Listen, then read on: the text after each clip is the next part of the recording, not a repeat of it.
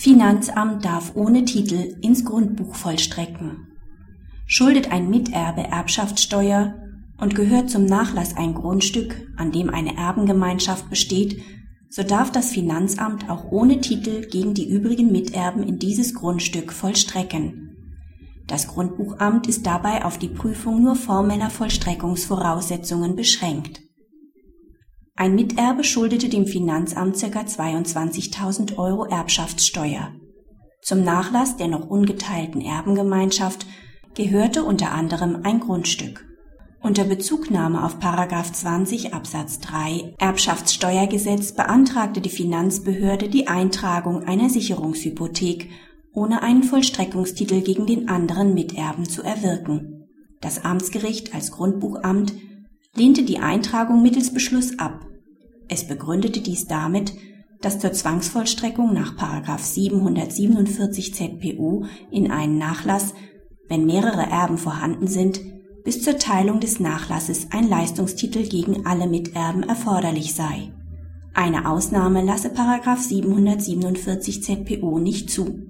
Das Oberlandesgericht München gibt der weiteren Beschwerde gegen die Nichteintragung statt und weist darauf hin, dass nach 322 Absatz 3 Abgabenordnung die für die Vollstreckung in das unbewegliche Vermögen erforderlichen Anträge des Gläubigers die Vollstreckungsbehörde selbst stellt diese hat im Antrag nur zu bestätigen, dass die Vollstreckungsvoraussetzungen vorliegen.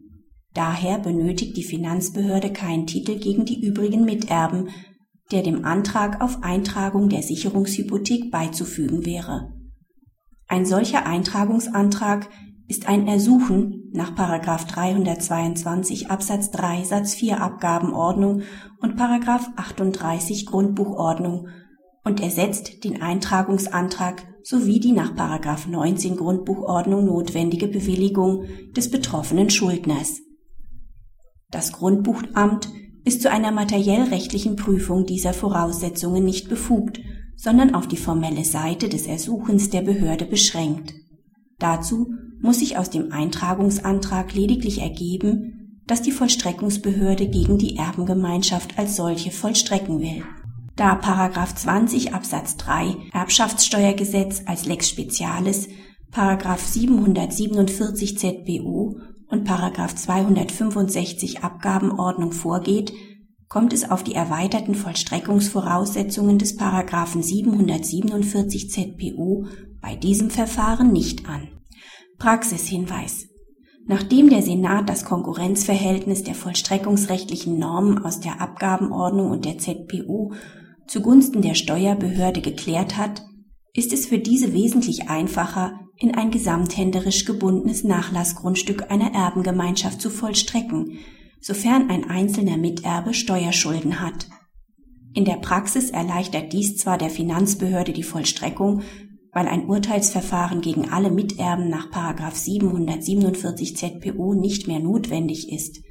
Andererseits müssen sich steuertreue Miterben darauf einstellen, dass wegen Steuerschulden eines anderen Miterben in ein Nachlassgrundstück seitens der Steuerbehörde plötzlich und ohne vorherige Information vollstreckt wird. Diesen anderen Miterben kann nur noch geraten werden, die Schulden selbst zu begleichen, um eine Vollstreckung in die Immobilie zu entgehen und mit dem verschuldeten Miterben dann zu vereinbaren, dass bei der folgenden Erbauseinandersetzung diese Zahlung zu deren Gunsten wieder berücksichtigt wird